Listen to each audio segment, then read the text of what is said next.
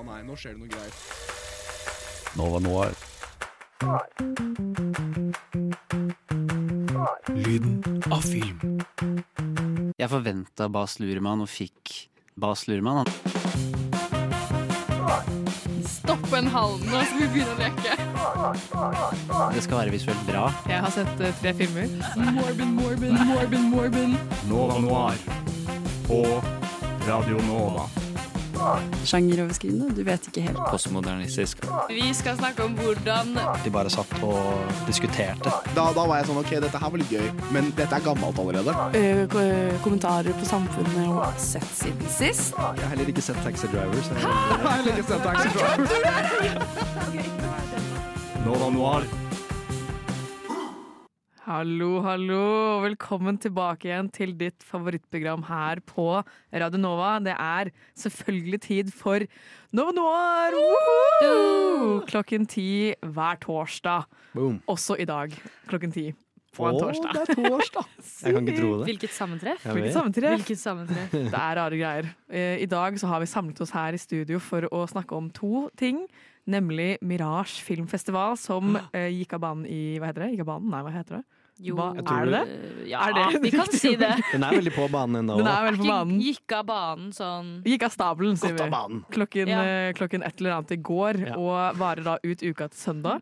Det skal vi snakke om, og så skal vi også snakke om to dokumentarer, siden Mirage Ah. tross alt er en, eh, både en kunstfilmfestival og en dokumentarfilmfestival. Mhm. Så da har vi bestemt oss for å snakke om litt dokumentarer og litt festival. Yeah. I studio i dag så har jeg med meg Carl Axel Lieber, Hei. Astrid Ottmann Knopp, boom. og på spakene så har vi Maria Liabø. Stemmer det? Hei. Hei, Ja, det stemmer. Veldig bra. Husket alle etternavn. Ja! Hva, hva heter du, da? Jeg heter Karin Grøtte. Hei, Karin. Jeg er deres eh, ledsager denne sendingen i dag. Sett siden sist.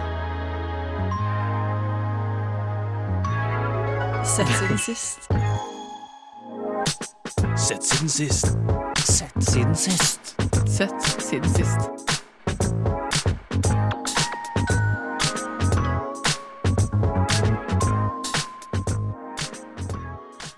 Da skal vi begynne på vårt klassiske stikk Sett siden sist. boom. Som er, for den lytter som ikke vet, noe vi eh, i redaksjonen har sett siden forrige sending, eller bare i det siste, som vi har lyst til å trekke fram. Positivt eller negativt, spiller ingen rolle, men det er noe vi har sett siden sist. Karl Aksel, hva har du sett siden sist? Det har vært litt dårlig med filmsitting for meg i det siste. Men eh, en film jeg vil eh, trekke fram, er en vi så i plenum. Litt sånn gjengen med Jeg tror jeg vet hvor du skal. Nova-gjengen der. Vi så en eh, gammel klassiker som Ja! heter The Long Goodbye. Når, Eh, når var det her? det var Legendarisk vet du hva? film. Vi så den her for eh, to uker siden, tror jeg. Ja. På kino, rundt liksom? På, Alle dro på kino sammen. mm, det var Å på ja, Cinemateket. Det var da jeg var på jobb. Ja, dårlig av Du det. gikk Men glipp av ikke Frida Fomo, men du gikk glipp av Storting. den var har utrolig morsom. Den er, den er regissert av Robert Altman, og den kom ut i 1973. Og den heter The Long Goodbye. Utrolig morsom, utrolig bra. Litt sånn It's satirisk. me, lady. Veldig mye quotes inne. Altså En av mine favorittquotes er bare når uh, en karakter bare skriker 'Balls, baby! Balls!' Det er bare utrolig morsomt. Altså Konteksten av scenen gjør det mye bedre, da. Men uh, den har jeg sett. Utrolig gøy. Cinemateket, shout-out som alltid. Dere er veldig gode. Uh, og en annen film jeg har sett som jeg bare elsker, men også hater samtidig, er Funny Game av Michael Hennicky, som jeg har sett. Eller den så jeg også for sånn tre uker siden, da. Men den har, den har også liksom jeg har tenkt på den nesten hver dag, bare fordi den er så, Er det ditt Roman Empire? Ja. Den Å, filmen? gud. Din, trend, din trendnisse. Din jævla trendnisse. Nei, Det er litt gøy, da. Det er litt gøy. Men uh, det, ja, det er kanskje mitt Roman Empire. Mm. Funny Game, av Michael Hanniker. Uh, det er ikke noe jeg vil uh, bli quoted på. Men eh, det, det er det. Du hørte den, Når du, Ja. hvis du sier sånn, så kommer du til å bli sitert på det resten av det. livet. Men hvis, hvis du ikke har sett den, så eh, anbefaler jeg den. I hvert fall nå i, i halloween-tidene, for den er litt sånn halloween-ish. Den er, Er den veldig, skummel? den er liksom pirrende, og du, du går litt inn i deg selv, fordi den, eh, den bryter den fjerde veggen på en litt eh, spennende måte. Anbefales. Veldig bra, Karl Aksel. Uh. Astrid, hva har du sett siden sist? Uh, jeg har sett jeg, jeg, i motsetning til Karl Aksel, ser på jævlig mye film om høsten. Elsker film på høsten. Det er noe ekstra hyggelig med å se film om høsten. Uh, jeg orker ikke å gå inn i det, for da blir jeg sur, og jeg er i ganske godt humør i dag.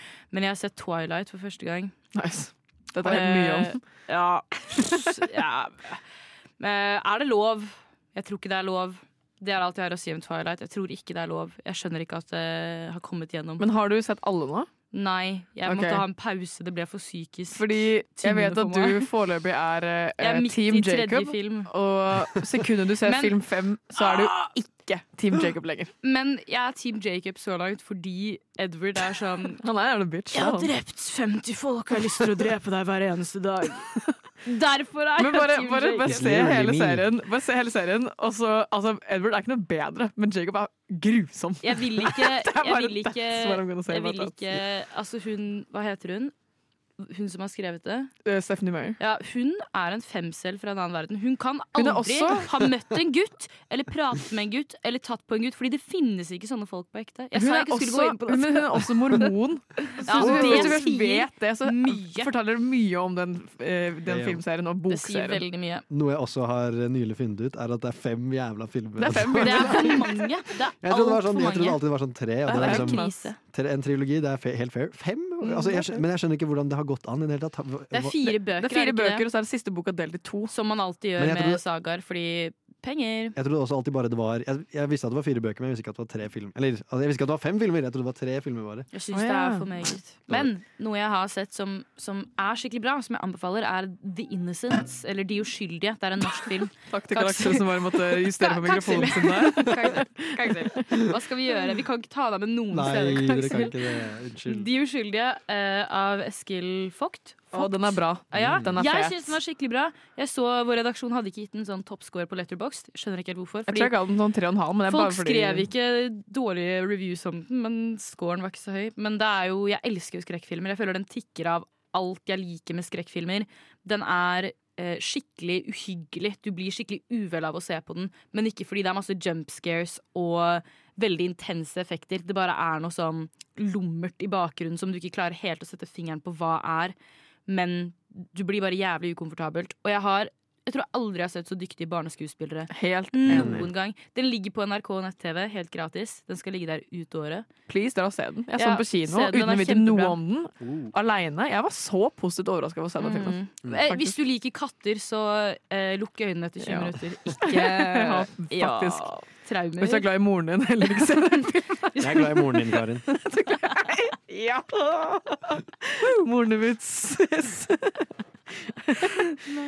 Ok, Det jeg har sett siden sist, da, for å gå videre fra dette her, er eh, jeg har mitt Roman Empire, apropos Chronically Online, Boom. eh, er eh, Killian Murphy. Nei, Karin! så, så Ja. jeg Jeg er så skuffet over flaut mange Killian Murphy-filmer den siste tiden.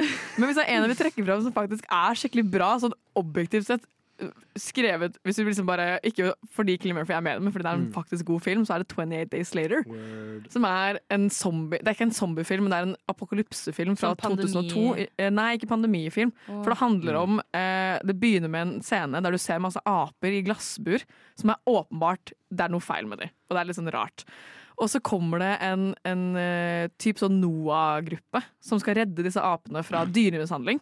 Men det de ikke vet, er at apene har blitt brukt til forskningsprosjekt for et type sånn Ikke zombievirus, for det er feil å si, for det er ikke en zombiefilm, men en, eh, en sånn eh, sykdom som handler om sinne. Så de er Oi. infisert med rage, er det de sier. Gigarabis. Sånn skikkelig sinne, liksom.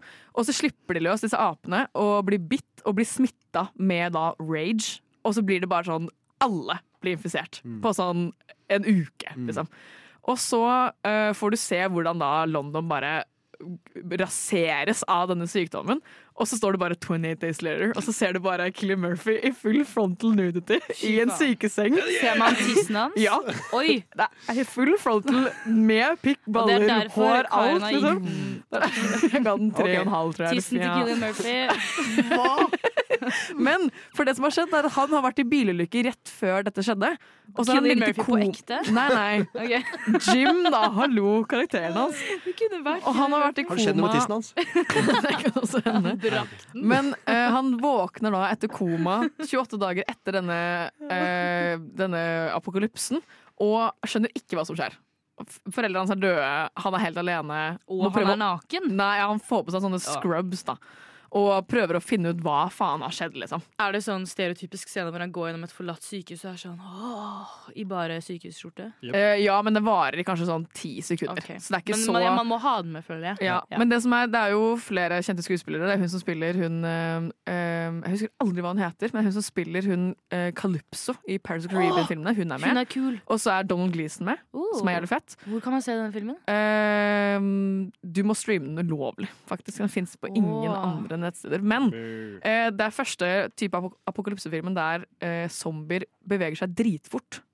Så det er liksom Pioneren til kjappe zombier er 28 Days Later, så hvis dere liker det Det er en fet film. Mm. Sykt bra sånn Og man apokalypsefilm. ser Tissen til Killen. Og man ser tissen til Killian Mm. Eh, even though flaccid, så ser du fortsatt hvilken til Killian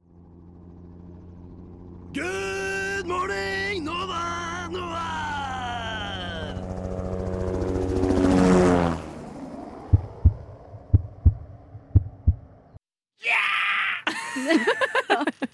Vi skal nå videre over til eh, det beste med sendinga for nå. Eh, det er Mirage filmfestival. Oh my god, Som som vi er- gleder oss. Vi gleder oss masse. Som det er babyer. en årlig festival i Oslo eh, som går eh, i midten av oktober. Eh, I år er det da fra 11. til 15. oktober, så det skjer akkurat nå, as we speak. Løp. Som er sykt fett. Mm. Eh, Mirage blir arrangert på Vega scene og i lokaler i umiddelbar nærhet. Mm. Eh, så det er i det området rundt liksom, Møllerveien, eh, Vega scene, Ja. Elvebakken videregående. Der er der det skjer.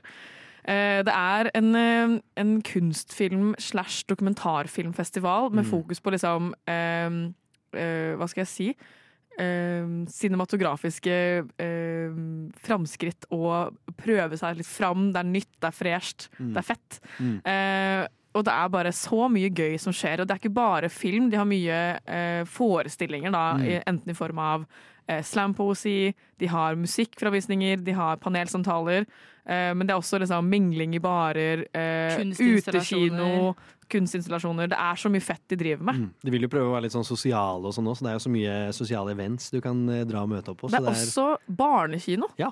Som er kjempekult. og du kan, se, du kan se Blade klokken halv ett. Du, det skal, jeg- Det og det skal vi komme tilbake til. Den skal jeg, den skal jeg snakke om. Det er oh my peak, God. peak cinema. Så uh, for dere som har lyst til å dra, som lytter på, uh, er dere studenter, så koster det 450 kroner for en full festivalbillett. Og da Mhm. får du tilgang til alt som skjer. Det er ganske bra pris Jeg for syns det hel er skikkelig eh, nice. Ja. Jeg tar den, jeg. Og er dere ikke-studenter, så er det 650. Og jeg syns Mm. heller ikke det er kjempeille. Det går også... på alt du har tilgang til, så Det er alt som skjer. Ja. Eh, hvis du ikke vil ha festivalpass, men bare enkeltbilletter, så er det også mulig å kjøpe til enkeltvisninger. Det tror jeg koster 90 kroner. Mm. Noe sånt. Rundt en hundrings. Som også er veldig nice. Eh, Vega sender ofte nice billige billetter. Love Det er Vega. fett. Så eh, hva, er liksom, hva forbinder dere med Mirage? Dere er mine Jeg, eh, I år så tror jeg de, de har satt veldig mye fokus på liksom kortfilm og sånn. Eh, I hvert fall eh, eh, han skaperen Mekas, nå glemmer jeg fornavnet hans, er Jonas. Jonas Mekas, ja. Og han er jo eh, liksom, hva skal man si, faren innenfor avantgarde og sånn. Eh, så jeg gleder meg veldig til å se noen av I hvert fall eh, Nå har jeg også glemt filmen. Er det den uh, Fragments, Fragments of Paradise. ja. Ja, stemmer, stemmer. Den gleder jeg meg utrolig mye til å se, bare fordi han har inspirert så mange andre filmskapere. Og liksom han er liksom cinematografiens eh, far, kan man si, da. Vi kommer tilbake igjen til filmer vi skal anbefale dere. Mm. Så det er bare å fortsette å lytte. Det Ja. blir mye fete anbefalinger. Boom. Nei, det, jeg tror det er veldig mye, mye spennende liksom, rundt cinematografi. Da, og det liksom, kan, jeg tror man kan lære veldig mye, samtidig som man ser veldig mye kult der. Og så er det jo veldig kult at de har fått inn utrolig mange sånne cinematografer eller regissører eller eh, lyddesignere eller sånne type ting, som kommer på panelsamtaler og bare intervjuer og alt mulig. Så det er liksom for både seeren, men også for andre filmskapere, kan jo også være en sosial event sånn sett. da. Det er veldig mange av filmene som settes opp uh, to ganger. Uh, og da er det en visning som bare er en vanlig, tradisjonell filmvisning, og så er det en annen som ofte da er uh, akkompagnert av enten en musikkframvisning, som eh, det er en, eh, en slags dokumentar om Thelonious Monk, jazzpianisten, der det blir en saksofonframvisning før. Dritkult. Som er kjempekult, Men det er også mange av filmene som har panelsamtaler med de som har laget filmen etterpå. Og det er så gøy å få se filmen, og så høre hva de har tenkt med filmen Ja. etter at du har gjort opp dine egne tanker. For det er, panelsamtaler før syns jeg ofte er lite eh, virkningsfullt, for du har ikke sett filmen. Du vet Mm. ikke hva de snakker om, hva du skal forholde deg til, hvorfor de sier ditten datten. Men det å ha den etterpå funker så fint, for hvis du da ikke gidder, så kan du gå. Men du får liksom en mulighet til å høre det fra dem som har laget det. Nei, det er veldig sant. Jeg, også, altså, jeg tror det nesten er flere sosiale events enn det er filmer, eh, nesten. Som er, ja. Jeg syns det er egentlig veldig kult. Selvfølgelig er det utrolig mange filmer å se, så hvis du kjøper et festivalpass, så har du muligheten til å liksom ha en full sosial helg. Og du kan også se masse filmer. Eller du kan bare ta en casual, liksom, sitte inn og se et par Jeg synes i hvert fall Hvis du bare ser et par filmer om dagen, så har du fått tror pengene Hvis du ser ti liksom. Filmer, så får du liksom én film til 65 kroner. Mm. Eller 45 da, eventuelt, Ja. som er sykt billig. Mm. Men det er det jeg synes er veldig fint som Karl Aksel sier, med at det er såpass mye sosiale eventer rundt det også, at billettene er ganske grei pris, fordi det blir så tilgjengelig for alle, ikke bare folk som er skikkelig inn i liksom filmmiljøet. Mm. Fordi alt av liksom sånne kunstmiljøer som kanskje er litt nisje, det er jo liksom en kunst- og dokumentarfilmfestival, så blir det kanskje sånn at det, det blir litt ekskluderende for folk som kanskje bare er nysgjerrig, men ikke er fryktelig investert i det fra før av. Og det er litt synd hvis man har lyst til å utforske en ny side av, av film, hvis man bare er glad i film. Mm. At det blir veldig, veldig stivt og veldig sånn kulturelite-preg over det.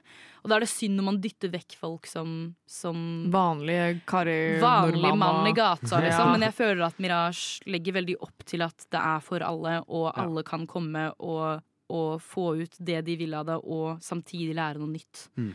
Og så er det veldig kult at det er igjen det at du får tilgang til hele festivalen, og absolutt alt den inkluderer. Det er ikke noen sånn egne VIP-ting. Jeg føler det hadde vært typisk at for disse panelsamtalene var sånn «Mm, Nei, da må du betale ekstra for det. Men er ikke det du har tilgang til alt, og det er skikkelig kult. Det er også fordel å kunne dra, for da får du på en måte mulighet til å Det nordmenn ikke liker å si, men som alle må gjøre, networke. Mm. Ja. Eh, eh, eller bare sosialisere, da, om du vil. Det er jo på en måte samme greia. For du får jo møtt så mye folk i bransjen, om det så er Jeg vet jo nå, fordi min kjæreste går på filmskolen, at de skal være der. Så da er, er det jo masse Flex, altså. Min kjæreste går på filmskolen. Eh, at de er der, så da får du jo på en måte møte eh, Norges eh, framtidige filmskapere. Men du får også møte eh, allerede etablerte filmskapere som kommer. Eh, folk som jobber eh, over på en måte, Ikke over filmbransjen, for det er feil å si, men de som arrangerer, da. Som i kulturledelsefeltet. Så du får liksom alle spekterne av bransjen, og de som bare er interessert. Så du får møtt så sykt mye folk som du ikke hadde møtt ellers. da. Og så ligger du også midt i Oslo sentrum, så du kan gå dit fra når som helst. Og det er sykt lett å komme dit. Ja. Utrolig gøy med lavterskeltilbud som egentlig burde hatt ganske høy terskel. når. Ja, når man gjør ja, høyterskelting veldig Mm. tilgjengelig for alle. Ja. Så jeg vet ikke, det er et eller annet veldig fint med det.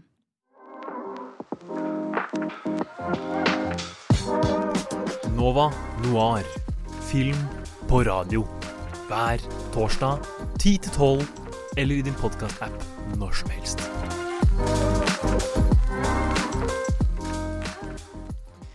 Vi skal nå over til eh, både litt sånn eh, hva skjer på Mirage generelt, og hva gleder vi oss veldig sånn spesifikt til.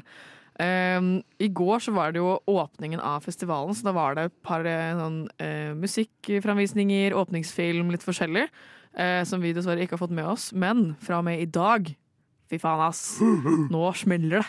Nå. Hva er det som skjer fremover i Klaksel? Um, bare i dag så er det allerede to uh, Jeg tror det er to kunstfremvisninger som skjer nå. Liksom akkurat nå, mens vi snakker. Det stemmer? Uh, I hvert fall en som heter Deep Dive av Javier Umpieres. Um, og så er det mye forskjellige generelle kunstfremvisninger og sånne ting i dag. Men eh, den første filmen som egentlig bare kicker off hele festivalen i dag, da, er De Facto, som er eh, da en film regissert av eh, Selma Doborak. Som en, jeg tror det er en ganske minimalistisk film som bare er mellom to personer som snakker om krigsforbrytelser. Eh, den var litt sånn, den virker eh, faktisk veldig spennende for min del. Jeg har sett litt på reviews av den, og den ser litt sånn kontroversiell ut. Eh, og det Sånn er jo alltid, alltid, alltid gøy. så det blir spennende. Jeg gleder meg litt til å se den. Men uh, videre i dag så er det faktisk utrolig mange spennende filmer, og jeg gleder meg veldig mye til egentlig så å si alle sammen som er i dag. Spesielt da Fragments of Paradise, som vi tidligere snakket om. Det er så mye kortfilmer som Ja. vises, som er kjempespennende. Mm. At det er mye eh, kortfilm med, eh, med panelsamtaler og sånn. Mm. Og så er det jo eh, Det er så spredt utover hele dagen. Du kan sånn, være der og bare kose deg så lenge. Jeg tror du faktisk kan Det er vel lagt litt opp til at du bare kan Du kan bare henge der, egentlig. Du kan bare være der i hele dag og i hele morgen. Du kan nesten bare sove over på VG. Det er min plan kan, for eh, dagen. Kan, Legg deg bare mellom, mellom noen rader og gjemme deg for en liksom vaskepersonalet. leie et grupperom på Elvebakken VGS, og så bare sove der litt. Bunke der litt. Så er det, så er det bankers, vet du. Hvis det er en film jeg gleder meg til som er i dag, så er det uh, en film som heter Pornomelankolia. Ja, Mm. Som handler om uh, det med uh, at internett har på en måte tatt over eh, hvordan vi snakker til andre mennesker, og hvordan Ja. vi forholder oss til på en måte eh, vår egen seksualitet og andres seksualitet. Og hvor ensomt det blir når alt bare er gjennom en skjerm. Mm. Og det er også med da en panelsamtale med eh, fotografen Mm. og kurator. Jeg vet ikke hva det er på norsk. Curator? K- øh, Er det- Er det det? Ja, jeg tror det. Det er i hvert fall Kuratoren. Uh, Vent, da skal jeg se. I don't know. Det er, Kurator. Det er bare en fotograf og en noted curator. Spennende. Det er vel dritkult. Jeg skal Ja. på det. Jeg gleder meg Du finner, i så fall, mye. du finner i hvert fall ut av hva tittelen innebærer etterpå. Når du drar etterpå. Spør, går hva er det du jobber som egentlig, du som er sånn kurator? Det er i hvert fall halv ni Mm. i dag Jeg tror, den, jeg tror den faktisk blir veldig spennende. Jeg så, jeg så liksom litt på traileren av den, og den, bare, den ser veldig Altså, det, du har rett i det du sier, at det ser ut som at det er en sånn slags mirage. At uh, Ja, en liten, en liten Liten luftspeiling. Ja, nevnte vi det i stad, Nei, vi gjorde ikke det. Men uh, mirage betyr jo luftspeiling på norsk, Mm. som da er en sånn uh, at du tror at du ser noe på Mm. grunn av bølgene Typisk i ørken hvis typisk du er. Mm. dritvarm. Og- fordi varm, lufta blir så varm at det lager bølger. Ja. Og da kan det se ut som det er noe der som ikke er der. Men jeg tror i hvert fall den pornomelankolia ser litt på bare pornoindustrien og hvordan den har utvikla seg. Og det tror jeg er i hvert fall veldig dags, dagsaktuelt nå til dags. Når, eller Absolutt. kanskje jeg føler Onlyfans-talken har liksom daffa litt ned. Men jeg tror det Ja, men det lever jo i beste Ingen velgående, snakker om det lenger, føler ingen jeg. Det var jo all the shit eh, Men det, det lever i absolutt beste Ja, velgående. det tror ja, jeg på. hva- Har du referanser, eh, Karin? Nei, jeg bare så en nyhetsartikkel på Facebook om en dame, eller et, et søskenpar, ja. som solgte eh, frokostblanding og melk som de hadde bada i. Nice. Via Onlyfans. Ja, ja. Og hadde liksom tjent seg styrtrik på det. Og da var jeg sånn Dette har gått for langt. Den melken kan umulig holde seg god. akkurat det. og er eh, sånn der, og så er det bare sånn kommentarer av sånne ekle menn som er sånn Å, jeg glemte å spise denne melka. Ja. Så jeg er sånn, det her orker jeg ikke. Jeg kan ikke tro at dette fins, og at det er lov. litt interessant, for jeg tror dette er utviklingen vi har sett av liksom, i hvert fall eh, seksualitet og sånn over internett. Har jo blitt eh, utrolig bare vridd, tror jeg. Jeg tror i hvert fall du, du finner jo liksom dine egne forum med dine egne hva skal jeg si, seksuelle interesser og sånn. Så det blir veldig spennende å se. mm, Jeg, jeg tror jeg også skal se den eh, i dag, men jeg skal eh, prøve å se Man in Black, så det er liksom litt Mm. overlapp der. Eh, så vi får se om jeg rekker det, egentlig. Men Jeg eh, satser oss på å få sett begge, men vi ja. får håpe Man in Black også skal også ha en eh, live eh, Hva blir det da? Opplesning av eh, poetiske tekster relatert til Eller det var vel basert på filmen. mm, Som handler om en naken mann som Ja. beveger seg gjennom Igjen, det er et sånt poetisk kunstuttrykk. Naken mann som beveger seg gjennom en bygning og kommer i blir konfrontert med hvordan hans kunstneriske ånd har blitt kvelt gjennom tiden. Det, Så vidt jeg forsto. det er på en måte en tematikk vi ser eh, løpe gjennom hele festivalen her. Bare dette med den nakne kropp. Som jeg tror egentlig er Jeg har sett, altså Cinematografisk så er en naken kropp utrolig interessant, egentlig. Det for er det. Veldig det er- spennende det er- objekt å filme. Ja, og det er sånn selvfølgelig å bruke det som et virkemiddel med tanke på intimitet og sånn, som du vanligvis i en et, et konvensjonell film ikke vil se så mye til, eh, føler jeg er veldig spennende. Og sånn da selvfølgelig en avantgarde kunstfilm, så gir jo det utrolig mye mening. Og jeg tror andelen av kunstfilmer som har nakenhet, er veldig høy. og Det er vel sånn som malerier, da. At Ja. det er veldig lett å, å male eller å ta bilder. Ja. Mm. Typ sånn Robert, Robert Mapplethorpe. og det, Det er jo bare nakenhet, på en måte. Ikke bare, det er veldig feil å si. Men det er jo mye kropp og mye liksom hud. vi mennesker også bruker jo klær som en slags mirage, eller en oh, Oh, oh, I saw what you did there. Jævlig bra, Aksel. tusen takk. Veldig bra. Nå ble jeg, jeg ble helt satt ut. Men jo, um, apropos dette med om at den nakne kroppen er et sånt objekt for film, og kanskje særlig innenfor kunstsjangeren. Ikke at man ikke ser naken Killian Murphy-tiss i, i, i store Vi må ha en rød tråd gjennom Jeg dette. syns jo at eh, Mirage burde satsa mer på Murphy. full frontal nude Killian Murphy. Se, bare, bare vent til neste år, du. Bare vent. Ikke at, ikke at den scenen av Killian Murphy Nå har ikke jeg sett 28 Days Later, men, men jeg kan regne med at det ikke er verdens mest seksualiserende Altså, det er jo.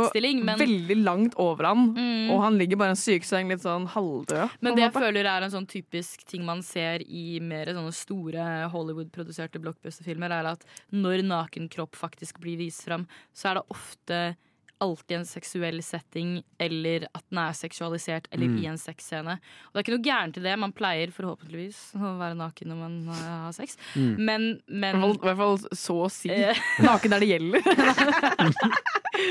Jesus Christ. Nå må vi nå må vi slutte. Det her går ikke. Dette Det jeg skulle si, var at naken kropp kan symbolisere veldig mye mer enn bare mm. seksualitet. At det kan være sånn som Karl Aksel sier, eh, intimitet og sårbarhet og um, Jeg, sånn- på en sånn, uh, Nå kommer jeg ikke på det norske ordet men independence. Liksom. mm, mm, selvstendighet. Uavhengighet, At takk. ja. Så sånne ting er jo Og det føler jeg i kunstfilmsjangeren, uten Mm. at jeg er noe ekspert på det, kanskje er flinkere til å fange enn den nakne kroppen vi blir eksponert for i større, mer konvensjonelle produserte filmer. Mm. Du, du, du lytter til Nova Noir. Du lytter til Nova Noir hver torsdag 10 til 12.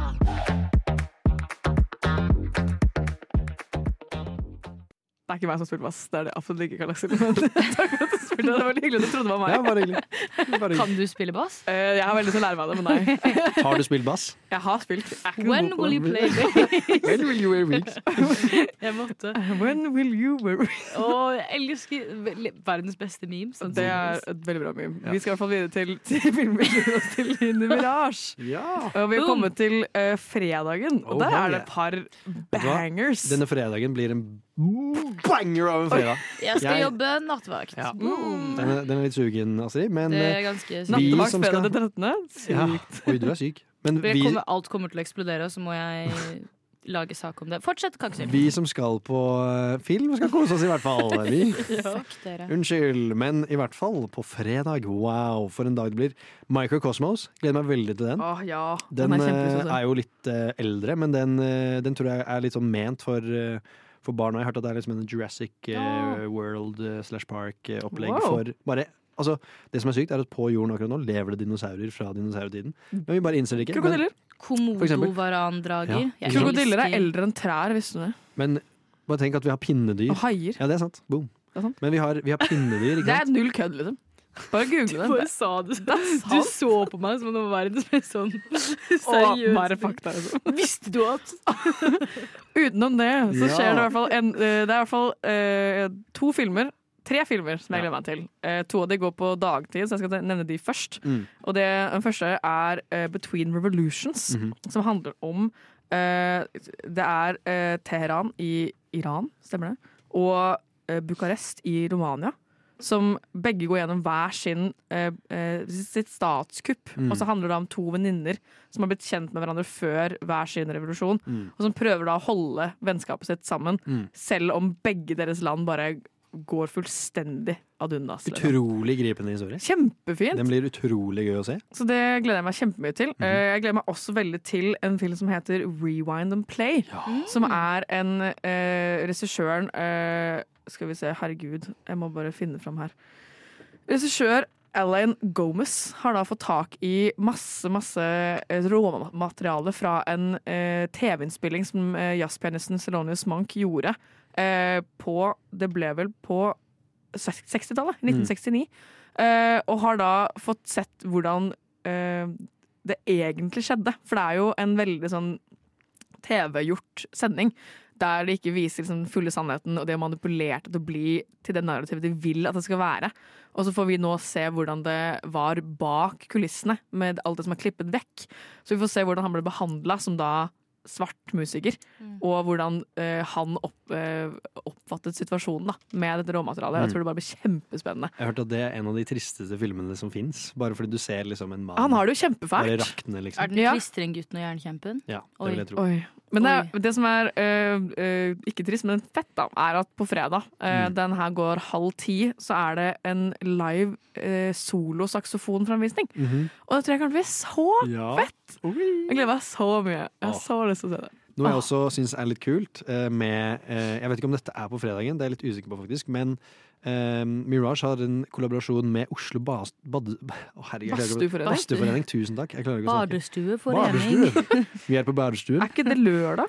Eh, Det er mye, mye mulig, men i hvert fall så er en av de filmene som er inkludert i denne kollaborasjonen, Steam of Life, den vises på fredagen. Det er også en Ja. annen eh, film som heter Sona Sisterhood. Sånn Steam ja, okay. Den går på lørdagen, tror jeg. Smoke Sauna Sisterhood. Smoke var det. Tusen Ja. For et dope bandnavn det hadde vært. Smoke Sauna Sisterhood, ja. Veldig bra. Nei, men eh, eh, jeg tror dette blir veldig spennende, for jeg syns eh, badstuer, eller sonas da, er et utrolig interessant konsept. Du er en badstuegutt. Jeg er en badstuegutt. Mm. Jeg er glad i badstuer. Eh, jeg er eh, kanskje en fjortendedel finsk eller noe. Jeg vet ikke, kanskje. En fjortendedel? det går jo ikke opp! Bare fordi jeg Ikke, ikke, ikke Det kan være en sekstendel Ikke- eller en åttendel. Ikke men det tvil kan ikke på være meg, Karin. Karin, ikke tvil. Jeg i hvert fall er veldig glad i badstue, og jeg gleder meg utrolig mye til å se disse badstuefilmene. Men en annen film Ja. En annen film jeg skal se uh, på fredagen, som jeg gleder meg også veldig veldig mye til, er uh, Nå måtte jeg le litt. 'Geographies of Solitude' ja. uh. av Jacqueline Mills. Og hun kommer til og med på begge visningene. Jeg tror det er på, eh, det er på fredag klokken 22, og så er det også på søndag.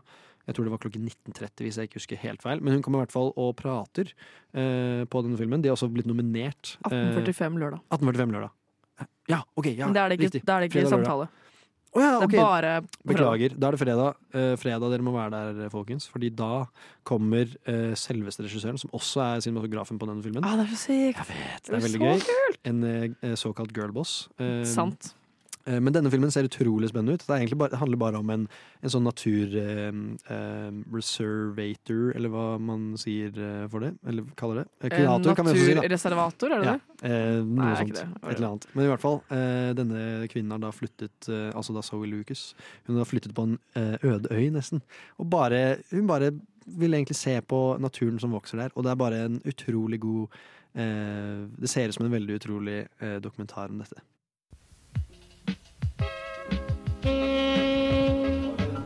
Alle tre, og så kommer Edmund og bare What the fuck? Har du sett Parasite? Ja. Har du sett Parasite? Du vet når hun gjør den der, den der den huskeregelen sin? Å, shit, shit. Uh, Nova Noir.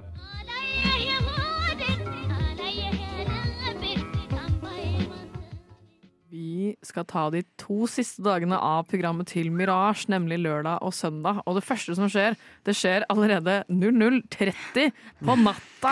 Natt til lørdag så viser de den legendariske vampyr-slayer-slasher-kultfilmen Blade. Nattvisning etterfulgt av et sykt dansegulv.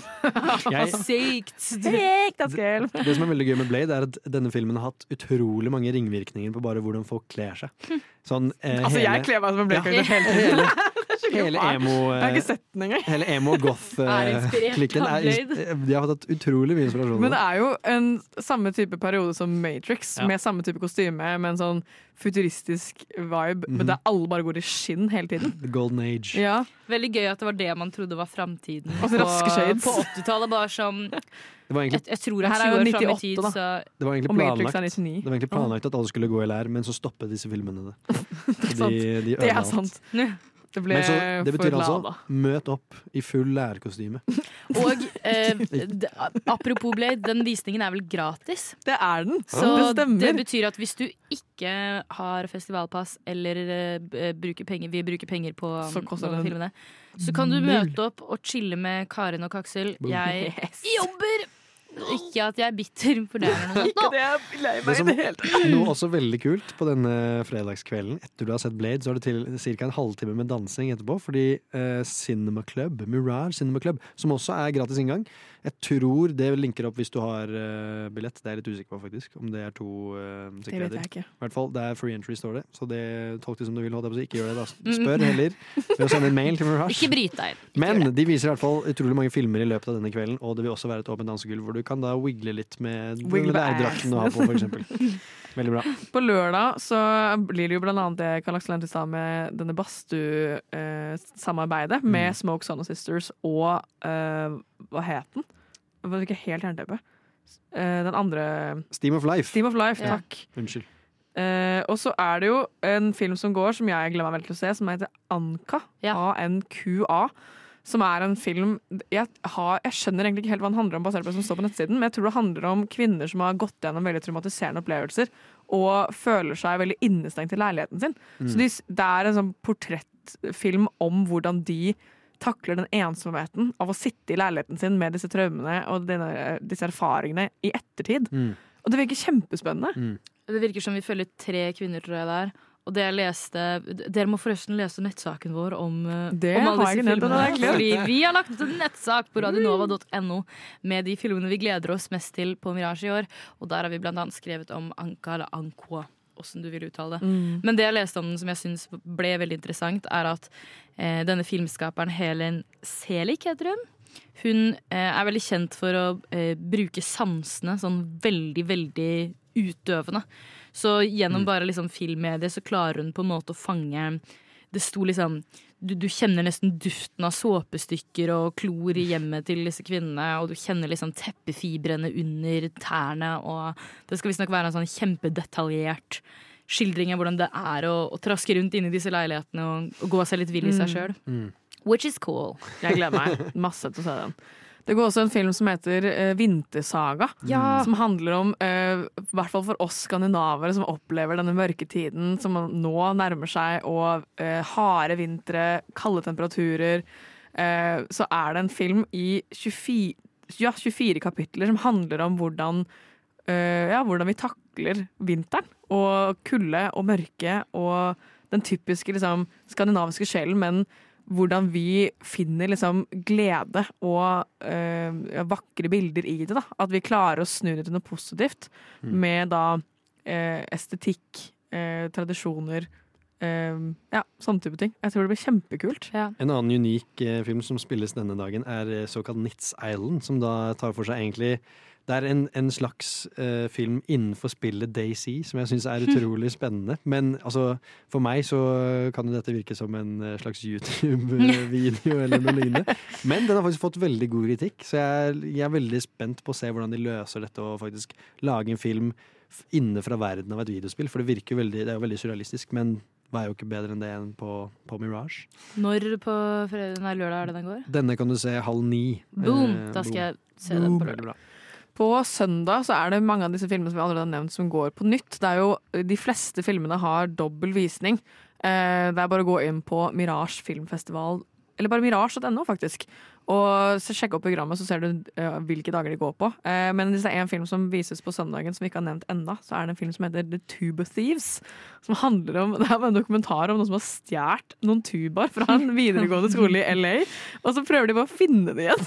det, er så, det er så sykt gøy. Men det, altså sånn der, det handler jo også om liksom symfoniorkestre og liksom uh, hvor eh, begrensende, men også hvor berikende eh, klassisk musikk kan være. Men de bruker da denne tuba-tyven som en parallell da, til å vise hvordan symfoniorkester kan ha innvirkning på deg. Mm. Og som klassisk musiker så er det sykt fett! Ja. Og jeg er kjempelyst til den. Det er også en eh, kanskje motpolfilmen til The Menu som kom ut i fjor. Eh, som er en fire timer lang film. Ja, Jeg eh, så av, det! Av Frederick Wiseman. Han er jo en legende innen eh, filmskaping. Eh, han er nå 93 år gammel. Og denne filmen, jeg skal prøve å uttale navnet, vi får se om det går. Meny Plaiserie Le Trucre. Kanskje, jeg vet ikke. Det var skikkelig butchering. Men eh, det er i hvert fall en fire timer lang film om fine dining og denne familien. Eh, jeg tror det er familien Troy Grå, i hvert fall, som eh, eh, som da har tre Michelin-stjerner på flere, flere restauranter. Det er helt sinnssykt. Det er bananas. Det er bananas. Og tre Er det en dokumentar? Er det ekte? Eh, Det er en dokumentar om, om denne familien og arbeidet deres i fire timer. What Kanskje fuck? eh, filmen som inspirerte The Menu, eller vice versa, kanskje. Det, Den her kom ut i 2023, så det er eh, vice versa. vice versa. Ja. Det er jo helt sykt, faktisk, å ha tre, flere restauranter med tre Michelin-stjerner. Hvis folk har én stjerne, så er det sånn wow, Wow. sykt. Og Så lenge jeg har én stjerne, så som er Som varer i fire timer? Altså, det er flere filmer som varer i fire timer. Kleopatra. Den varer, den varer faktisk i 4.15, Jesus så den er enda lenger. Hvis du vil ta en skikkelig sånn sadomasochistisk approach, så kan du bare møte opp uten noe snacks og ikke ha spist noe. Bare se denne filmen i fire Ingen timer. vann, ingenting. Du har ikke spist på et døgn. Ja. Se en film om mat. Bare dra. Eh, siste filmen som jeg har lyst til å snakke om, er The Echo. Uh, Ja. Jeg har Det er en sånn uh, Hva skal jeg si Remote village. Hva heter det? Um, avsidesliggende Avsidesliggende landsby. landsby. Takk, jeg er skikkelig dårlig med ord akkurat nå. Eh, boom! High five. Det er eh, Det som står, da, er at det handler om barn som tar seg av noen eh, eldre mennesker og noen sauer. Men landet de bor på, blir da tatt over av eh, frost og eh, mangel på vann. Og de må da begynne å forstå hva det betyr med død og sykdom og kjærlighet til hverandre. Dette høres ut som noe jeg vil se. Men også da hvordan det er å ikke ha foreldre. For det er ikke noen foreldre som er i filmen. Det er bare disse barna som må ta Hvor vare barna på er alene i landsbyen. det er, Ja, det er jo Med sauer. det er jo ikke en ekte, det er ikke en dokumentar. Dette Nei, er jo en, men- en, en, en, eh, skjønnlitterær film. Men det er, skal da vise hvordan barn må lære om død og sykdom. Og å ta vare på hverandre, men også de rundt seg. Og det er, jeg tror det blir en kjempekul måte å vise liksom alle må gjennom den prosessen og lære at du skal dø en dag. Og lære at foreldrene kommer til å bli borte før deg. At de mest sannsynlig kommer til å dø av sykdom, og du må se dem lide. Hvordan er det for et barn å takle? Det blir kjempekult. Ja. Jeg tror det blir en veldig god film å se. Den tror jeg går på lørdagen også. Klokka Den går på lørdag Ja. også. Så det Sterkt program. Er noen av filmene vi gleder oss til, og litt anbefalinger fra oss. Hvis dere vil lese mer om de tre filmene vi har valgt ut selv, så er det bare å gå inn på radionova.no og se vår nettsak, Din guide til Mirage. Møt oss på Vega scene. Ja, Vi ja. kommer til å være der hele tida. Dans med Kaksel og Kaksel og meg. Følg med, følg med videre, og vi skal også dekke festivalen mens vi er Yeah. Det er også sant. Det skal vi. Så det er bare å glede dere Så masse. lagre radionova.no som favorittfane på Ja, safarien gjør din. det. Gjør det nå! Gjør det Men nå. dere har jo det åpenbart fra før av. Altså. ja, det er sant. Og så må dere også høre på oss hvert år.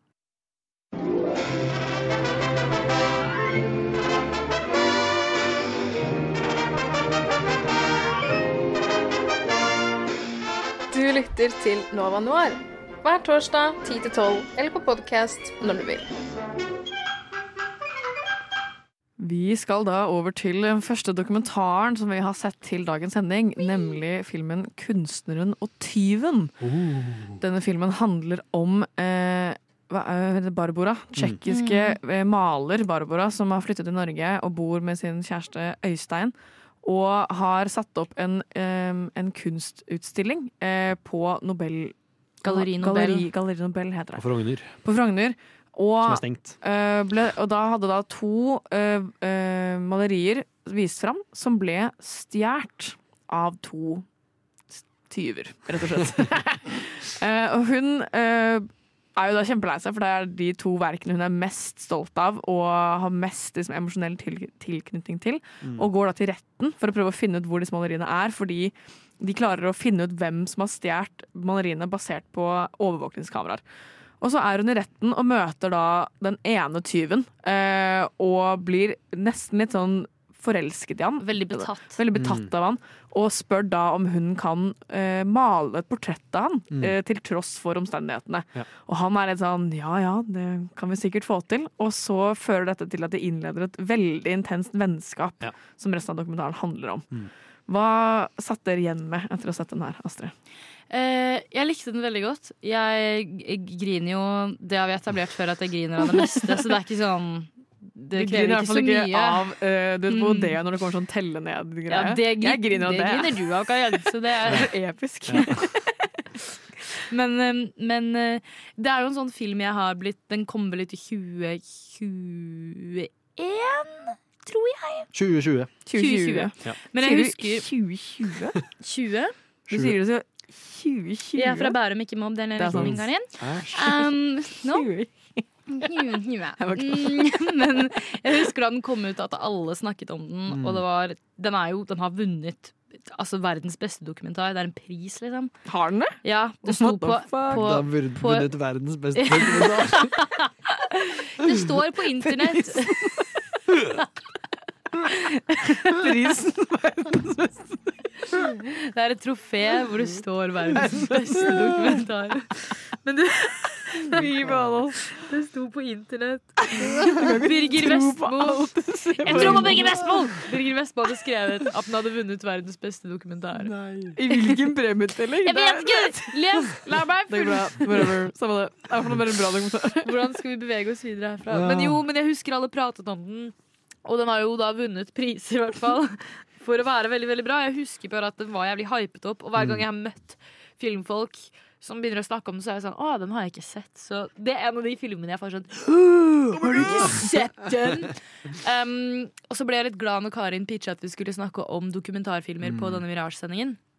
Og da nevnte jeg Den har jeg aldri sett, og den har jeg veldig lyst til å se. Jeg syns den var veldig fin. Jeg gråt ganske mange ganger. Ehm, bare Den handlet om noe helt annet enn det jeg kanskje trodde den skulle gjøre. Jeg er helt enig. Fordi du leser om den, og så er du sånn Å, heftig! Hun blir god venn med tyven, og det handler om kunsttyveri. Og jeg tenkte det skulle gå litt mer inn i hva det vil si å liksom stjele. Det er jo veldig mange som gjemmer svarte penger i, i kunst og sånne ting. Så jeg trodde kanskje det skulle gå litt mer inn i det, men så handler det bare Det er sånn superærlig og veldig rå framstilling av et vennskap mellom to mennesker som er veldig defekte på hver sin måte. Som sliter med sine ting, og hvordan det påvirker dem, men også hvordan det påvirker vennskapet deres. Men at de til tross for det Jeg tror de er venner mye fordi de har funnet et eller annet i hverandre fordi de sliter med sine ting som de kanskje ikke har funnet i så mange andre folk i livet sitt. Jeg synes også, eh, altså Da jeg først hørte om den, så syntes jeg den virket utrolig corny. Eh, og jeg hadde egentlig ingen ambisjon om å se den. Men jeg ble veldig overrasket. Jeg synes eh, Det som liksom trollbundet meg veldig med den her, var egentlig komposisjonen på filmen. For jeg synes den da, altså, jeg tror det er 17 minutter inn, eller noe sånt, så ser man liksom det første møtet hvor eh, Carl Bertil, da, som er tyven, eh, får sett maleriet av seg selv, og han bare har en eh, utrolig eh, emosjonell respons til det. Han, bare, han klarer ikke å kontrollere følelsene sine, liksom. Som kanskje, kanskje kan gi mening. Han har liksom vært en neglisjert fyr som liksom egentlig aldri har fått noe Han hadde et godt liv før, og så nå er han skikkelig ned i, i, i kjelleren, på en måte. Og nå nettopp har vært i en rettssak, og han er rusavhengig og alt mulig. Og så kommer da eh, Jeg har glemt hva han heter igjen. Barbara. Barbaros. Barbara. Barbara. Barbaros. Barbosa.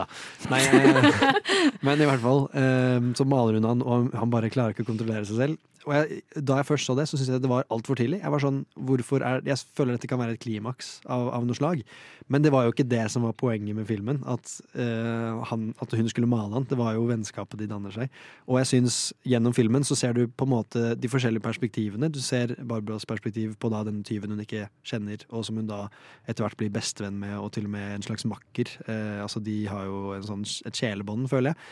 Eh, og så etter hvert ser du også perspektivet hans, og du går liksom gjennom Du hopper fram og tilbake i tid fra hver, hvert sine perspektiv, og det bare er Det er utrolig godt gjennomført. Jeg synes det er eh, Det var kanskje det som liksom eh, fanget meg best opp, da. For jeg trodde også at det kom til å handle mer om det som Astrid sa, at det handlet om eh, selve tyveriet.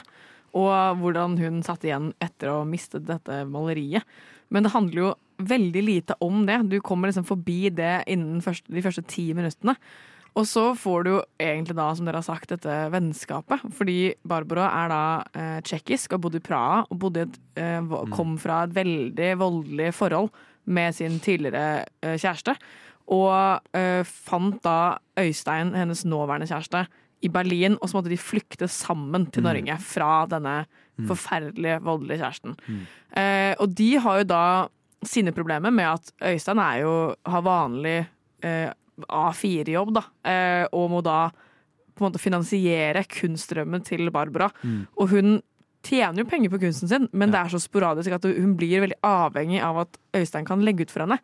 Og de går da i parterapi for å fikse dette. Og så parallelt så er det da Carl Bertil, som har hatt en kjempeturbulent oppvekst med da eh, foreldre som skilte seg da han var ung, han som ble splittet fra søsknene sine, han eh, havnet i eh, gjengmiljø, rusmiljø, eh, veldig eh, opptatt av fart og moro, og har krasjet mye bil, brutt mye trafikklover og vært i fengsel da flere ganger, og igjen da får dette eh, tyveriet, og senere i filmen et nytt bilkrasj. Så han har jo vært inn og ut av fengselsinstitusjoner hele livet. Og så er det så gøy å se hvordan begge taklet eh, tyveriet, og hvordan de takler hverandre, på en måte. For de blir jo på en måte litt sånn eh, codependent til hverandre. Eh, eller gjensidig avhengig, som det heter på norsk. eh, og hvordan For du får vite små eh, framblikk, og så får du vite hvordan det skjedde etterpå. Mm. Det er så spennende å se hvordan de kom fram til det punktet Ja. eh, på, fra hver sin side. da og hvordan de møtes igjen og igjen og igjen. Og de bare De er der for hverandre hele tiden. Mm. Og det er veldig rørende.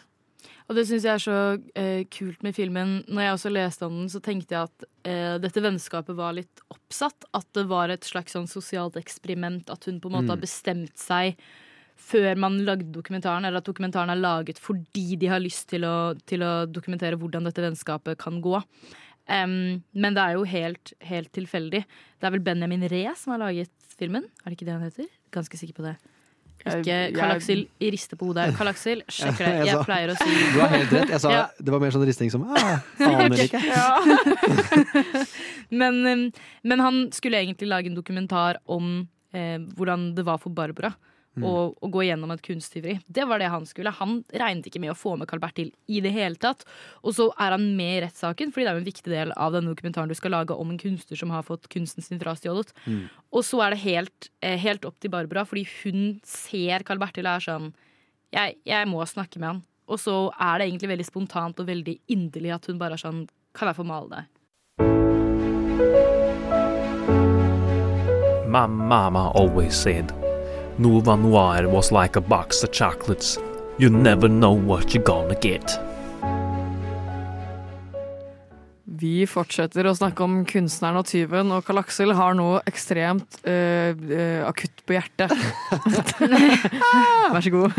Det No jeg skulle si før Astrid avbrøt meg i stad. Nei, jeg avbrøt deg ikke. Jeg bare tulla. snakket Jeg bare lenge, Kaksel. Det Eh, det det som er med disse to karakterene, er at de er begge to veldig sånn De har en veldig stor personlighet, begge to. Og de har en veldig lang forhistorie, begge to òg. Og jeg tror de, de er den perfekte miks for hverandre. De er sjelevenner, som jeg sa i stad. De eh, Det er et eller annet med koblingen deres som bare De klarer på en måte ikke å la hverandre være i fred Nei, heller. de fanger liksom hverandre opp. Og Det som er så gøy, er at det er rent platonisk. Det er sånn Mm. eh, Carl Bertil som da, eh, når han liksom for eksempel var på sykehuset, så merker du at han er veldig ensom og han sliter veldig mye med ting. Og så er han sånn 'Å, nå må jeg få, nå må jeg få en dame. Nå må jeg stifte en familie'. Så går han ikke til Barbara og er sånn 'Å, liksom, du er Ja. dame, eller? som du kanskje kunne forventet. Da. Men det er bare sånn, de er bare de er så gode venner. Ja. Men det jeg skulle si, egentlig var at eh, personligheten deres eh, fra deres første møte er, føler seg, det, er så godt, det er så god metafor for personligheten deres. Fordi Barbara, som da ser på mannen som har stjålet maleriet hennes, går bort og bare er sånn jeg vet ikke om det er passende, men kan jeg prate med deg, liksom? Og Carl Bertil, som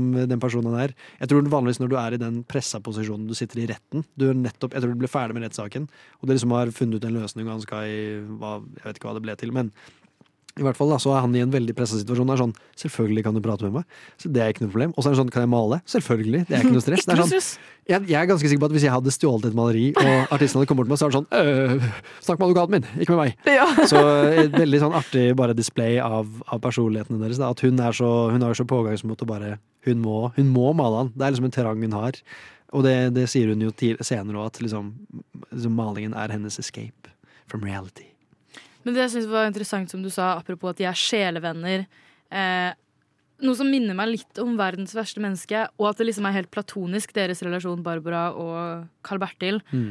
Jeg føler at det viser veldig at folk man elsker flere Du er ikke sånn når folk er sånn mm, My one love. Ja. Jeg tror man kan elske mange folk, men at man det oppstår så veldig ulik kjemi mellom forskjellige folk. Mm. Du ser at Øystein nesten sliter litt med Ja. det som kjæresten hennes Ja, på ja, et tidspunkt. Fordi hun sier jo sånn Jeg ble jo jeg ble nesten litt forelsket. Jeg ble veldig betatt av han. I mangel på et, liksom et bedre ord for å elske noen så inderlig. Men, Mm. men at det er platonisk, for det er ikke noe seksuell kjemi Nei. der. Det er ikke noe sånt noe. Og du ser at Øystein sliter litt med det, men jeg syns det er så fint at det kan oppstå en helt annen kjemi med en annen person. Sånn Mm. som i Verdens verste menneske, når, når Julie er sammen med Aksel, og de har liksom de ordentlig fornuftige, voksne samtalene. Og så møter hun denne Eivind på fest. Mm. Og da er det en helt annen kjemi som oppstår. Ja. Og hun er jo egentlig dritglad i begge to, Mm. men hun er så søkende, hun vet ikke helt hva hun er ute etter. Mm. Og det minner Barbara meg litt om, Ja. fordi hun, hun elsker Øystein, men hun elsker Carl Bertil også, men Mm. på helt ulike grunnlag, og det er kanskje ikke så lett å kombinere alltid.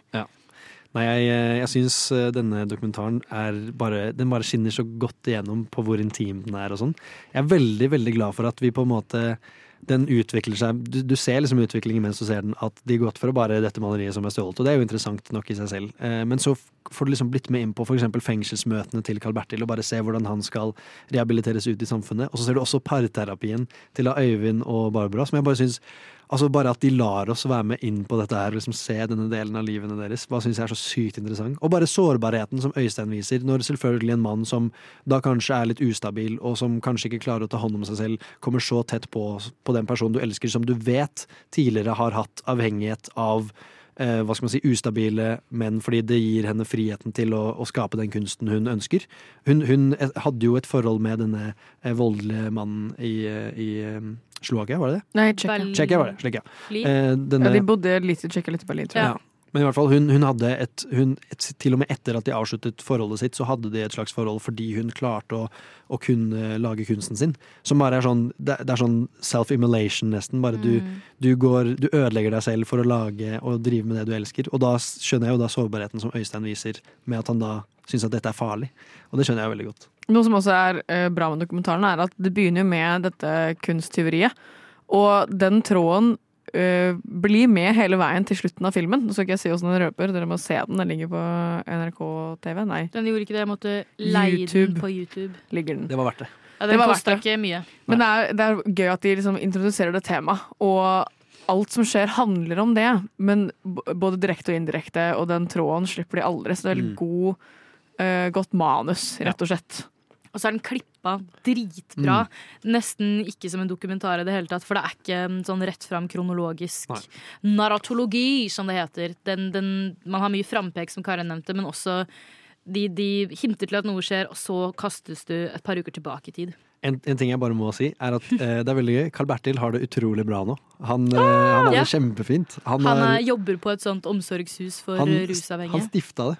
Og så ble han jo sykepleierstudent og sånn. Jeg Ja. vet ikke om han fullførte det, da, men han, han jobber i hvert fall med rusavhengighet og sånn nå. Men, synes... Han, men han var jo liksom lærer og, Ja. og, Ja, ja. Snekker og tømrer og- og tømrer og eh, ungdomshjem eh, ansatt og alt mulig. Mm. Han har jo jobbet for at andre skal ha det bra. blir utrolig varm inni meg å se liksom, dette utfallet av situasjonen. Vi backer Carl Bertil. Vi er Carl Bertil Stans, Rett og slett. Er Inglourious Bastards den beste Tarantino-filmen? Nei, det er jo ikke det. Det er ikke det. det er, er det noen som mener noen av dere det? Nei. Sånn helt Ja. Du mener det? ja. Film er best på radio. Nova Noir. Vi skal nå over til en eh, ganske annerledes dokumentar enn den vi snakket om tidligere. Vi skal nå over til en film dere finner på NRK TV som heter Radiograph of a Family. Som handler om Farosé og hennes foreldre, og hvordan de møttes, eh, giftet seg, og hvordan de taklet den islamske revolusjonen på 70-tallet i Iran. Um, jeg hadde ikke hørt om denne filmen her før jeg um, så den, eh, eller egentlig bare valgte den. Jeg syns den virka veldig spennende. Det er jo veldig spennende å se hvordan folk opplevde eh, revolusjonen når den skjedde, og ikke Mm. liksom ringvirkningene av den, for det er det mye dokumentarer om. Og det er jo viktig, det også, men det er jo spennende å se hvordan de som levde da, opplevde revolusjonen Mm. og taklet det, på en måte. Mm. Hva, hva syns du, Karl Aksel? Jeg elsket uh, denne dokumentaren. Jeg synes den var Den bare uh, Det er akkurat min type Den, litt, den har veldig kunstneriske preg, uh, som gjør den utrolig interessant. Og så er det Den er generelt minimalistisk med en veldig sterk historie. Eh, og den bare slo meg på liksom alle de riktige måtene. Og jeg så den i dag morges sånn klokka seks på Å, Oh, herregud. Eh, bare fordi jeg var utrolig Jeg skulle egentlig Da lå jeg også. jeg var utrolig eh, trøtt i går, så jeg gikk og la meg. Eh, og det er jeg vet ikke om jeg ville likt å se den på nytt på morgenen, men eh, den var eh, Det var en veldig god seeropplevelse. Jeg, jeg likte veldig godt å se den, og jeg bare syns den, den forteller en så sterk historie om om to forskjellige sider av en veldig vanskelig sak. Eh, og selvfølgelig, vi, vi er jo alle, alle vestlige folk i den vestlige verden, og vi er jo hvite alle tre historier Ja, ikke sant? Det er vi også. Som bare det. Som Bare bare det. Det- Videre enn de fleste sikkert òg, men, eh, men eh, vi Altså, eller jeg syns i hvert fall det er et utrolig Det var veldig opplysende å se liksom de forskjellige sidene av saken. Og jeg vet jo at eh, sånn eh, Iran er i dag, versus hvordan det var for eksempel på 70-tallet, før den islamske revolusjonen, er jo Jeg har sett så utrolig mange eh, bilder og videoer av bare Altså Det ser jo ut som at de er i Paris, på en måte, når de, når de er ute og bader, for eksempel. Og det bare Det, det maler et veldig sterkt bilde av hvordan, hvordan det er blitt, da. um, og det er jo veldig vanskelig Eller det er jo veldig rart å, å se på det som en del av den vestlige verden. For det, ja, man kan jo eh, snakke om det her eh, om vestlige verdier versus de østlige og alt mulig sånn, da. Men eh, jeg bare syns det var utrolig spennende å se de forskjellige perspektivene på det, i hvert fall. Det er jo en, som du sa, en veldig sånn kunstdokumentar, for det er jo aldri et langt klipp før helt på slutten. Det er kun bilder som eh, Ferrosé har funnet i familiealbumene sine, som hun da plasserer der det passer seg, på en måte, mens det er en sånn fortellerstemme av eh, Det er jo skuespillere, da, moren og faren hennes, fordi Mm. faren har jo da dødd. Mm. Eh, men de begynner da med hvordan eh, moren og faren hennes eh, gifter seg, fordi moren, eh, eller begge er jo fra Iran. Eh, faren har da flyttet til Sveits Mm. for å studere radiologi, for å bli liksom eh, få sånn røntgenbilder og røntgentekniker og alt sånt. Og så blir hun, flytter hun til Sveits med han for å gifte seg med han, og han er mye eldre enn Mm. det eh, moren er. Eh, og hun føler seg kjempeutilpass i denne vestlige verden, skjønner seg ikke helt på kulturen, sliter med språket, skjønner ikke hvorfor folk ikke har religion da, så nærme som hun har det. Eh, og når da hun blir gravid med Farosé, så har hun et sterkt ønske om å føde Farosé i Iran. Så han, eh, faren og moren blir da enige om å reise tilbake til Iran og føde Farosé der. Og når hun da kommer tilbake i Iran, så blir hun bare enda mer religiøs og føler seg mer og mer hjemme i denne religiøse verden. Og det er da rett før revolusjonen treffer. Eh, og det syns jeg er veldig interessant med filmen. At den begynner jo Åpningsreplikken er eh, 'Mor ble forelsket i et bilde eller fotografi av far'. Giftet seg med far. Ja, giftet seg i et fotografi, med et fotografi av far. Som jeg bare er kjempemetaforisk Mm. for hele, hele Det er handlingen. så vakkert sagt også. Kjempepent sagt, og det er det jeg syns er kult med, med filmen. At den går i sånn dybden på en sånn menneskelig relasjon mellom to folk, men den relasjonen blir en metafor for så utrolig mye større ting, sånn som Mm. Karl Aksel nevnte.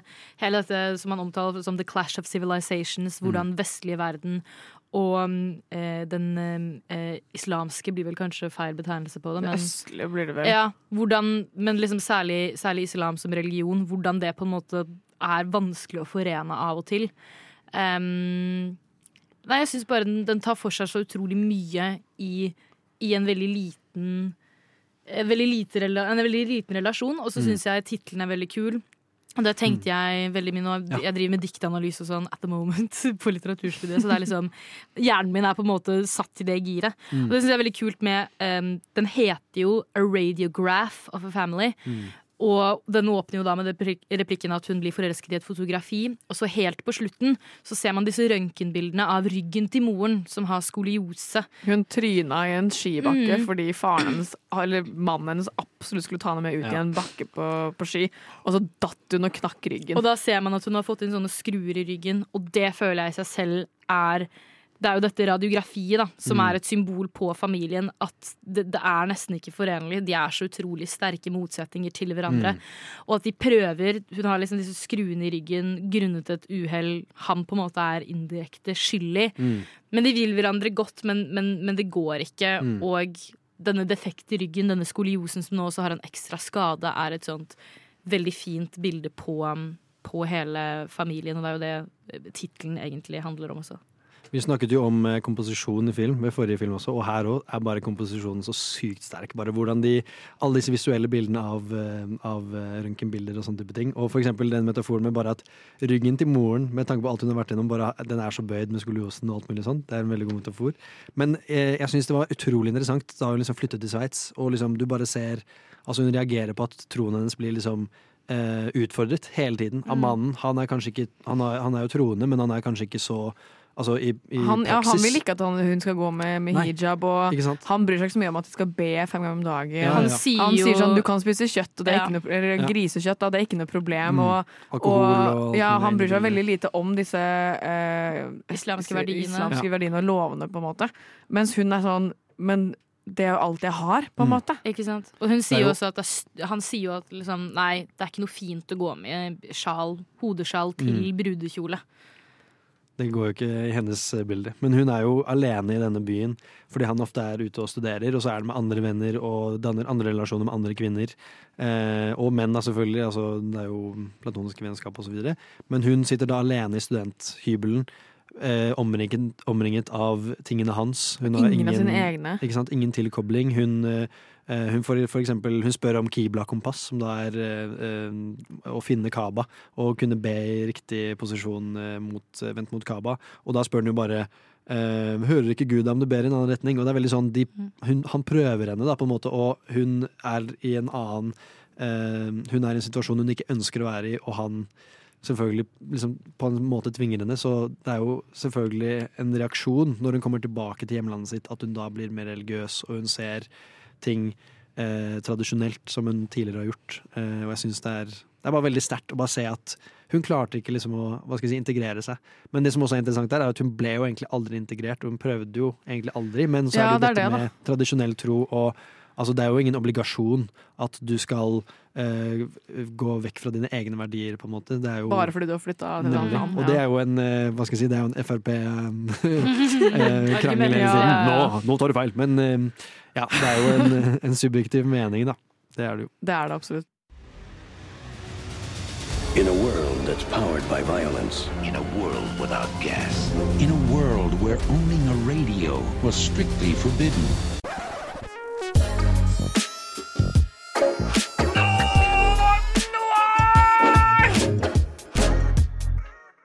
Vi fortsetter om Radiograph of a Family. Astrid, hva har du lyst til å si? Noe jeg tenkte på, um, ref forrige diskusjon, var uh, dette med hvor viktig identitet er oppi alt dette, og at det er mye av utgangspunktet til at ting blir som det blir. Fordi for henne så handler jo dette om Det handler om identitet. Og det å skulle da flytte til et annet land, til Sveits, og ikke være omgitt med sine ting, og reagere Det er på en måte ikke så rart at hun reagerer så mye på at troen hennes blir utfordret, fordi eh, hun er oppvokst med at troen er alt for henne. Du quotet noe fra filmen i stad som at de stiller spørsmål ved, ved mine verdier, men Mm. mine verdier er min tro. Mm. Og det i seg selv er veldig um, sterkt, fordi hvis, hvis du er Det er litt det samme som at vi ja, Hvis du snur på det, da. Noe jeg Jeg er ikke noe religiøs av meg, men sånn et eller annet jeg tror veldig inderlig på. Mm. Og alle mine verdier og liksom livet mitt er knyttet til det, og så skal du på en måte bo et sted hvor alt det ikke er noe man gjør, eller alt det er liksom sett på som veldig rart, Mm. så er det jo klart at du ikke ja, du ikke tilpasser deg på den Ja. måten. Og det handler ikke om at hun er noe dårlig på å integrere seg. Det handler om en kultur som ikke legger opp til at hun skal integrere seg. Mm. Mye også fordi de ikke tar hensyn til at hun har andre. Det er den derre sånn Ofte tror jeg integrering blir en diskusjon om hvor lik du skal bli oss. At det blir mer sånn assimilering kontra å liksom være sånn OK, vi er forskjellige, og vi kommer nok alltid til å ha veldig forskjellige meninger. Ja. Fordi vi har så ulik identitet, fordi vi har vi har vokst opp med helt vidt forskjellige altså, trosgrunnlag. Mm. Og det er helt greit, men hvordan kan vi sameksistere Ja. på best mulig måte? Mm. Og det, det viser filmen veldig fint hvor lite gode Vesten er på akkurat det. Men det er jo et problem for uh, både uh, moren og faren da, i Mm. deres forhold. Mm. Uh, apropos dette med å, assimilere seg og integrere seg selv. De klarer jo på en måte ikke å integrere hverandre i sitt eget forhold engang. Mm. Og når du da flytter tilbake igjen til Iran, og jeg husker ikke hva han um, Han som døde han, Det var en veldig sentral Ja, islamsk person. Hva he- Jeg prøvde å eh, finne det nå, jeg kom ikke på hva det heter. Han var en var en, foredragsholder. Ja, en sånn foredragsholder som holdt uh, masse forelesninger gratis om uh, muslimsk tro og verdier, og appellerte veldig til en, den mer konservative delen av muslimer. Han var religiøs, nei, eh, sosiol, religiøs sosiolog. Ja. Og han var en av de største, første forkjemperne for Revolusjonen. revolusjonene. Og hun, moren, blir da Ali Shariati het han. Takk. Uh, og når da, hun blir jo helt betatt av den mannen og føler seg veldig hjemme under hans forelesninger. Han sier liksom alt det hun har lyst til å si, men ikke klarer å si selv, og drar da jevnlig på disse eh, forelesningene som han holder. Eh, Da han dør, så blir det jo et kjempeopprør. Det er jo eh, en av flere grunner til at revolusjonen skjer. Og hun, moren blir jo kjempelei seg, for det er jo hennes største forbilde som da dør. Mm. Og hun graver seg da enda dypere ned i troen sin. Og når da revolusjonen skjer, så for min del er det veldig overraskende å se at det var ikke faren som var positiv til denne revolusjonen. Han var jo snarere tvert imot kjempeimot. Mm. Det er moren som er kjempefor denne revolusjonen, og eh, ender opp med å bli en lærer på en skole. Hun blir rektor på en skole. Eh, hun blir eh, en annen foredragsholder, så hun tar liksom over plassen til han eh, sosiologen. Eh, hun ender opp med å starte en kvinnegruppe. Eh, hun ender opp med å eh, anbefale kvinner å gå til liksom væpna revolusjon. Mm. Og trener opp kvinner til å skyte med gevær og kaste granater. Og blir bare helt oppslukt i denne revolusjonen, mens faren da sitter hjemme og hører på vestlig klassisk Mm. musikk og venter på at hun skal komme hjem. Ja. Jeg syns også eh, det du sier med at det er liksom eh, to forskjellige sider i denne saken, her, så er det veldig interessant å se på den datteren som da er i midten av alt Ja. sammen her. Og det er jo en scene for eksempel når eh, moren da har gått veldig dypt i tronen sin, og hun fjerner alle bildene av seg selv hvor hun ikke er tildekket fra River dem opp i biter. liv. Og Ja. et av de beste shotsa jeg syns fra denne filmen her, var da datteren Eller det er bare en eh, rekonstruert eh, eh, bilde av det, da, men da sitter hun og tegner Mm. eh, bildene fra Altså de manglende delene fra bildene som moren har revet opp. Jeg bare syns det er så sykt vakkert. Jeg syns denne filmen er sånn cinematografisk.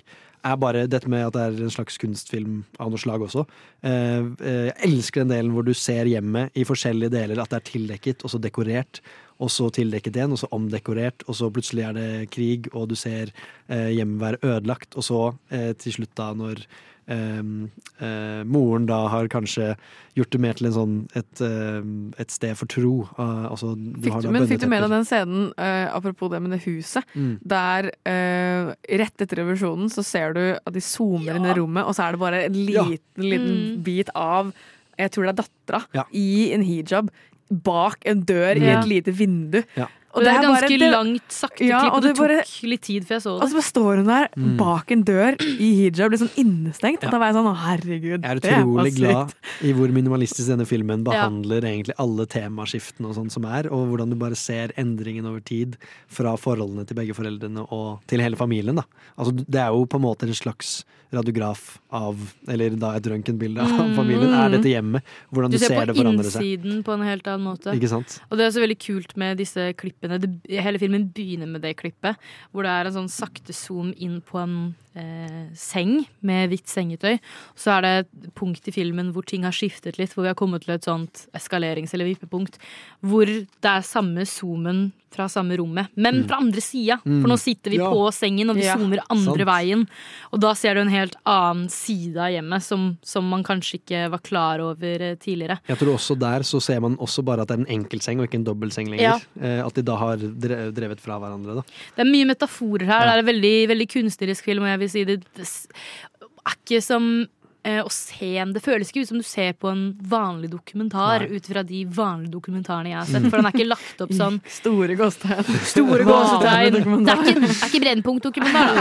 sånn. Den er mye mer kunstnerisk utformet, så jeg tror du kommer til å like den selv om du ikke mm, eh, selv om du kanskje syns dokumentarer er litt kjedelige og stive, for den er ikke formet som en dokumentar. Mm. Og så en ting jeg bare måtte skyte inn fra sida, eh, ref tidligere diskusjoner, er liksom den her at det kanskje er Umulig er et veldig hardt og sterkt ord, men at til en viss grad så får du ikke endret folks dypeste, innerste verdier. Er, jeg Mm. tror det er noen ting du enten bare er født med, eller som du får inn med teskje såpass tidlig i barndommen at, at det, det, uansett hva slags situasjon du setter folk i, så får du ikke endret det. Og hvis du da plutselig befinner deg i et type sånt revolusjonært skifte, hvor du kanskje har følt at dine verdier blir prøvd veldig ut, og så møter du noen som kanskje dessverre er litt for radikale, men, men, Men på en måte helt enig med deg, Ja, det er det, men mater disse verdiene, og du Mm. føler da at du får en sånn At du blir hørt for første gang. Hvor jeg tror Hvor sykt lett det er. Og hun går jo liksom så langt som hun, uh, at dette blir en væpnet revolusjon og hjelper kvinner. Og uh, som Karin nevnte, å liksom skyte og, og militær trening og sånn. Og det var kanskje ikke utgangspunktet hennes når hun først begynte å dra på disse forelesningene, men jeg Mm. tenker sånn, jeg tror det gjelder for absolutt alle mennesker hvis du finner noen som samsvarer med dine meninger, som kanskje har blitt undertrykt veldig lenge, hvor lett det er å bli ja, radikalisert. da At det er en sånn universal menneskelig opplevelse. Som vi kanskje her i Vesten har veldig lett for å være sånn Ja, de blir jo radikalisert når de gjør sånn og sånn. Så er det sånn Det Nei, men du, også på en du er så sykt liksom. radikalisert på dine måter, Mm. og jeg er sikker på at hvis det hadde vært Hvis du hadde oppfunnet, nei, befunnet deg i et annet land hvor dine verdier ble satt på prøve, og du ble konfrontert med noen som var enig med deg, som plutselig At det bikka over, da. At Mm. de hadde vonde intensjoner. liksom, ja. så hadde du hadde ikke stilt spørsmål ved det, du heller. Du hadde også latt deg radikalisere. Det er ikke noe du har kontroll over. Du kan, til jo, et du kan jo prøve å forme og endre folk så mye du bare vil. Ikke sant? Men det betyr ikke at du kommer til å lykkes med det. Og jeg, det er jo det begge parter her prøver å gjøre, både mor og far. Mm. At far prøver å endre henne til sånn han vil ha henne, og hun prøver å endre han til sånn hun vil ha han. Og Men det- hun vil gå med hijab, og han vil høre på klassisk musikk. Ja, det er bare sånn det, det sånn er det bare. Du, får, du kan ikke bare endre på det fordi du vil endre på folk. Mm. Uh, og det Fin ting å ta med seg videre. Absolutt. Så det er jo et siste klipp eh, helt på slutten av dokumentaren der vi får se et longshot da, av eh, longshot som da i lengde, ikke i frame. Det er veldig viktig for meg å spesifisere det. Eh, Der vi ser da en, et veldig sånn up close eh, bilde av moren som fremdeles sitter helt tildekket med en sånn bønnekjede og en koran Mm. og dette kompasset sitt rundt seg i umiddelbar nærhet. Fremdeles. Og nå er hun jo mye eldre og gammel og skjør, og hun, hun har fortsatt ikke endret seg. Så det er jo ikke noe vits og Det er jo på en måte vits, men det indreste, dypeste, som du sa, Astrid, det får du ikke gjort så mye med. Med mindre det skjer noe som hun hadde valgt selv. Mm. Han får ikke gjort noe. Hun må gjøre det på egen hånd. Um, ja, dere får sitte igjen med disse tankene til senere. Vi eh, kommer tilbake etter en låt for å si ha det bra. Terningkast fire. Terningkast fire. Terningkast fire. Terningkast fire. Terningkast fire. Og det blir terningkast fire. Birger Vestmo, er det deg?